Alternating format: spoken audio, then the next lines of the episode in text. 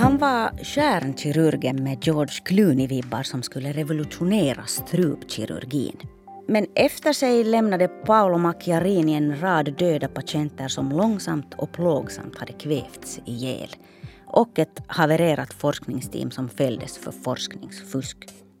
Livräddande vård eller brutala experiment på människor. Vilka var det när den hyllade kirurgen Paolo Macchiarini opererade in plaststrupar som han hade preparerat med stamceller på svårt sjuka patienter? Nu har rättegången i Solna tingsrätt i Sverige börjat över tio år efter att han utförde sina experimentella operationer vid Karolinska universitetssjukhuset i Sverige. Den här största medicinska skandalen i modern tid skulle kanske aldrig ha kommit fram i hela sin omfattning om det inte hade varit för dokumentärfilmaren Bo Lindqvist vid Sveriges Television. Och jag har honom här nu. Välkommen till Nyhetspodden Bosse. Tack så mycket. Jag heter Jonna Nupponen och Bosse Lindqvist ska hjälpa mig att bena ut Macchiarini-skandalen, en lång och förfärlig historia. Men vi kanske borde börja med den person allt det här handlar om. Bosse, vem är Paolo Macchiarini? Ja, när jag träffade honom första gången 2015 så var han en, en världsberömd uppburen kirurg, en stjärnkirurg som hade det, mm. tycktes revolutionera kirurgin och medicinen genom att sina nya uppfinningar med hur man skulle kunna göra mer eller mindre konstgjorda organ, kopior av de organ som hade gått sönder och som man då skulle kunna stoppa in istället, operera in istället det skulle ju visa sig att allt det här var bara bluff men hur kom det sig att Paolo Macchiarini kunde utföra de här operationerna på ett av Sveriges mest ansedda universitetssjuk, Karolinska? Han blev världsberömd redan eh, några år tidigare i Spanien då han gjorde en halvvägsvariant där han tog luftstrupar från döda patienter, han tvättade dem med väldigt starka kemikalier och sen så hällde han på en sorts cellsoppa med pyttelite stamceller i mm. och opererade in. Och det där bedömdes som oerhört framgångsrikt av till exempel världsberömda brittiska tidskriften Lancet och Nature. Så att han blev, uh, han, han, blev världsberömd redan tidigare och toppuniversitet i världen började slåss om honom. Och det blev KSKI i Stockholm och sen Ryssland som gemensamt kammade hem honom. Ja, för 2010 anställdes han som gästprofessor på Karolinska institutet och som överläkare vid Karolinska universitetssjukhuset. Och han skulle, som man då sa, leda in Karolinska i framtiden med sin banbrytande forskning och sina experimentella operationer. Och till en början såg ju allt kanske bra ut. Han opererade in plaststrupar i tre patienter vid Karolinska och fram till 2014 ytterligare fem patienter i Ryssland. Men sen började de här människorna dö, den ena efter den andra. Var det ingen som reagerade då? De, han började då 2011 här i Stockholm och fortsatte i Ryssland och USA och, eh, och nya patienter i Stockholm. Och eh, det var eh, väldigt få som reagerade utan egentligen är det så här att hade det inte varit för en specifik läkare på Karolinska universitetssjukhuset, en intensivvårdsspecialist som var den som dagligen räddade livet på Macchiarinis tredje svenska patient, en ung turkisk flicka eller ung kvinna som eh, höll på att kvävas ihjäl fyra gånger om dagen. Han började undra hur kommer det sig att eh, min patient håller på att dö på det här sättet hela tiden? När enligt de vetenskapliga artiklarna så ska ju allting gå superbra man borde kanske tillägga att hade det inte varit för en viss dokumentärfilmare vid Sveriges Television eh, så hade det kanske inte heller börjat nystas upp.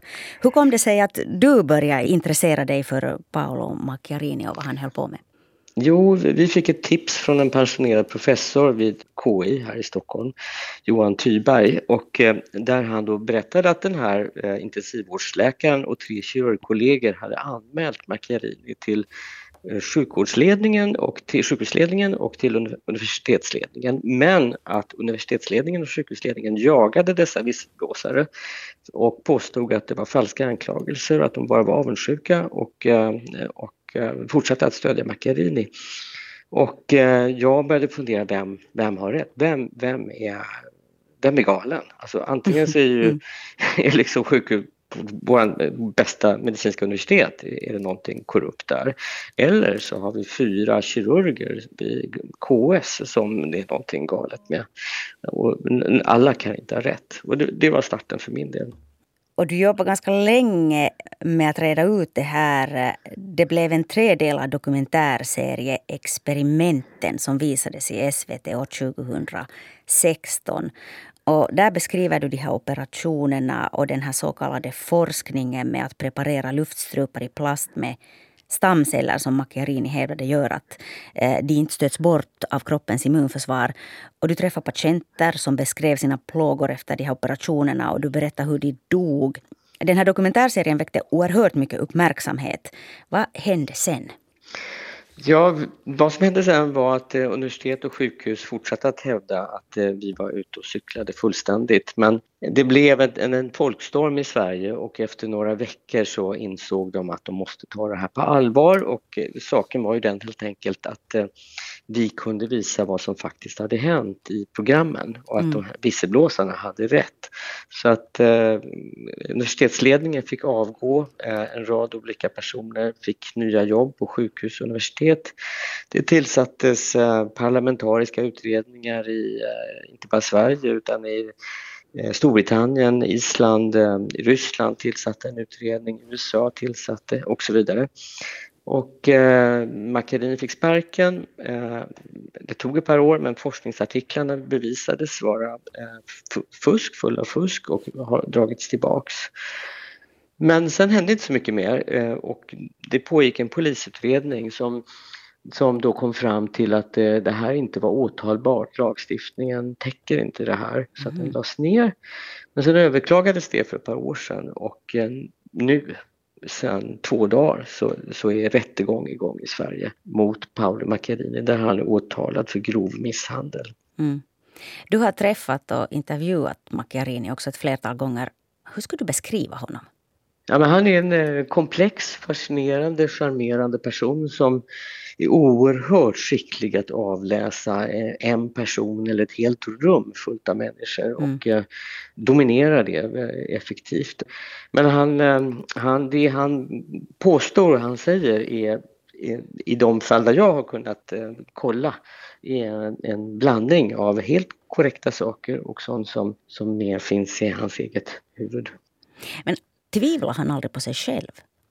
Absolut, och det säger han faktiskt redan i programmen, att han tvivlar ständigt. Men, men eh, jag tror att han ändå långsiktigt, jag tror att han tänker att han ändå är på väg att liksom frälsa mänskligheten med en fantastisk ny operationsmetod och, och får han bara hålla på och testa tillräckligt länge så kommer han lyckas.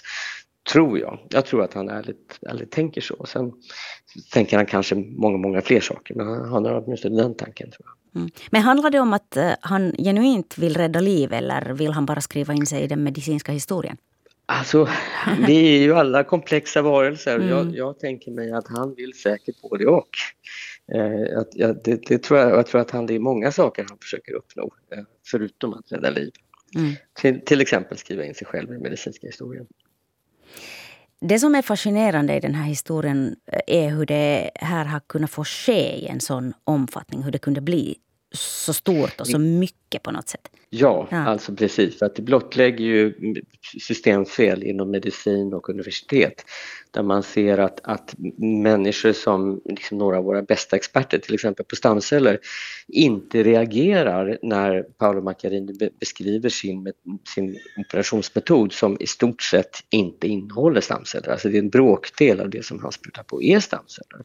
Och de borde ju se igenom det här på en gång som till exempel den svenska Nobelkommitténs sekreterare som var eh, KIs största stamcellsexpert och som höll Macchiarini om ryggen under hela den här tiden och borde fattat detta. Han borde ha frågat mig vad är det här? Liksom.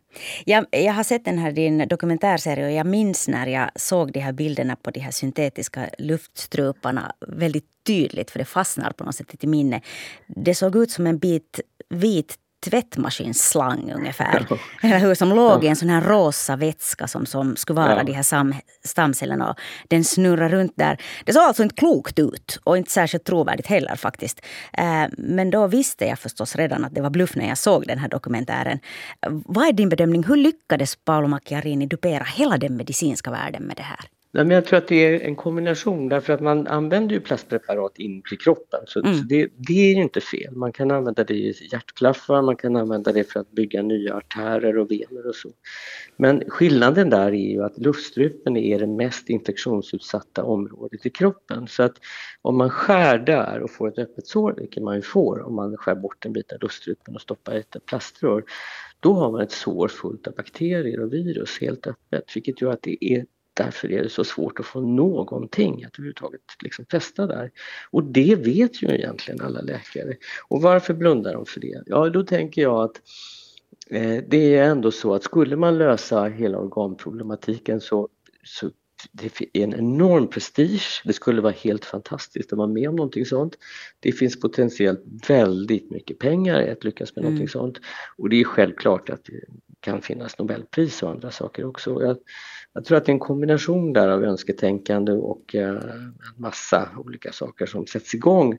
Det är den enda förklaringen jag kan se till att de här oerhört kunniga människorna har följt med på det här och inte bara i Sverige utan i, i Tyskland, i Spanien, i uh, Ryssland, i USA, i England mm. under, under resans gång. Ja. Den här skandalen skakar ju verkligen om forskarvärlden och forskar-Sverige också. Och flera utredningar riktar hård kritik både mot Karolinska institutet och universitetssjukhuset. Och precis som du sa så fick Karolinska institutets ordförande, rektor, de fick avgå eller fick sparken i samband med det här. Hur illa skadades Karolinskas anseende skulle du säga? Ja, men det, I Sverige skadades det ganska rejält och eh, det skadades också inom, inom facket, tror jag, inom professionen internationellt ganska mycket. Eh, men sen de har ju jobbat hårt på att återuppbygga det och att eh, se ut som om man, de har gått helt och hållet till botten med vad som har hänt. Så att, eh, jag, jag vet inte hur långlivat minnet är. Vad är egentligen deras ansvar att det här fick ske? Karolinska institutet och Karolinska universitetssjukhuset är ju på något sätt kronan i svensk sjukvård och medicinsk forskning. Alltså man, alla kan göra misstag så att man måste, det måste man ju ändå säga att det är det, det, det, det, måste man ge dem även på Karolinska tycker jag. Men i det ögonblick då man börjar bekämpa de här oerhört skickliga visselblåsarna som kommer med medicinska fakta som visar att eh, dels att metoden inte fungerar, dels att patienterna eh, löper oerhörda risker och dör, dels mm. att man har fuskat i forskningen. När man då försöker stoppa spridandet av detta och jagar visselblåsarna och istället väljer att stödja den som då anklagas för detta. Där, eh, där uppstår skuld, verkligen. Så om nu Macchiarini fälls, för det är ju bara han som står åtalad eh, i, i den här rättegången som pågår där i Solna tingsrätt. Om han nu då fälls och döms för grov misshandel, borde det här få någon slags större betydelse? Det vill säga leda till konsekvenser för dem som tillät honom? Verkligen, eftersom i modern sjukvård och modern forskning så är man aldrig ensam, man är alltid mm. team och det är i allra högsta grad en stor och svår eh, operation som, som sådana här så att det är, krävs tillstånd och medverkan från många personer och, och ledningar för att det ska ske. Så det är klart att att om han fälls då har det med andra ord förekommit kriminell eh, verksamhet eller kriminell aktivitet i en operationssal i den normala vården och det måste ju rimligtvis eh, sjukhus och universitet fundera över, ja men vilken del hade vi i det här? Och, och var det kriminellt i Sverige? Ja, implicit så var det väl det då kanske i Ryssland också och i USA också så att det, det får ju en följdverkan där, tänker jag för hela professionen. Alltså vad, vad får man göra? Vad, hur långt går ansvar för alla de som är inblandade i den här typen av sjukvård och forskning? Mm. Man kan ju hoppas att Karolinska institutet och Karolinska universitetssjukhuset har lärt sig någonting av den här skandalen. Frågan är kanske hur mycket. Eh, skulle något sånt här kunna hända igen? Inte exakt det här tror jag, det, det ligger är nog inte på kartan. Men det är klart att den här typen av bedrägeri och forskningsfusk det kommer kunna hända igen därför att skyddsmekanismerna är ganska svaga inom sjukvård och, och, och, forskning. Det är ganska lite insyn, det är ganska lite koll, det är så speciella områden. Det är så få som förstår sig på fackområdena och patientsekretessen är så stark så att det är väldigt få förutom behandlande läkare som verkligen vet vad som sker med en patient. Så, så det är ett, ett, ett fält som lever lite sitt eget liv och det gör ju att det också kan, kan hända saker. Paolo Macchiarini var i Solna i onsdags. Han, han var i Solna i onsdags och han mm. är i Stockholm och han kommer vara här vad jag kan se under stora delen av rättegången. Vad sysslar han med idag? Ja, han, han berättar ju inte det men han är, har ju fortfarande sin läkarlegitimation och har vad jag har förstått jobbar vidare med, med väldigt avancerade typer av operationer som med, med hans specialitet patienter som de flesta kollegor har gett upp, alltså med, det är för stora risker med de här operationerna. Och sen så finns det dokumenterat från Turkiet, där i turkisk press så hade han opererat en liten fem månaders bebis som ansågs vara ett uh, unikt uh, operation som gav stora tidningsrubriker. Där man omstrukturerade en luftstrupe. Så att uh, det, ja, en blandning av detta är vad jag gissar att han gör. Bosse Lindqvist, dokumentärfilmare på SVT. Tack för att du kom till Nyhetspodden. Tack för att jag fick prata med dig. Jag heter Jonna Nupponen och du har lyssnat på nyhetspodden från svenska YLE. Producent är Ami Lassila och tekniker Satu Ulmanen. Fortsätt lyssna på oss.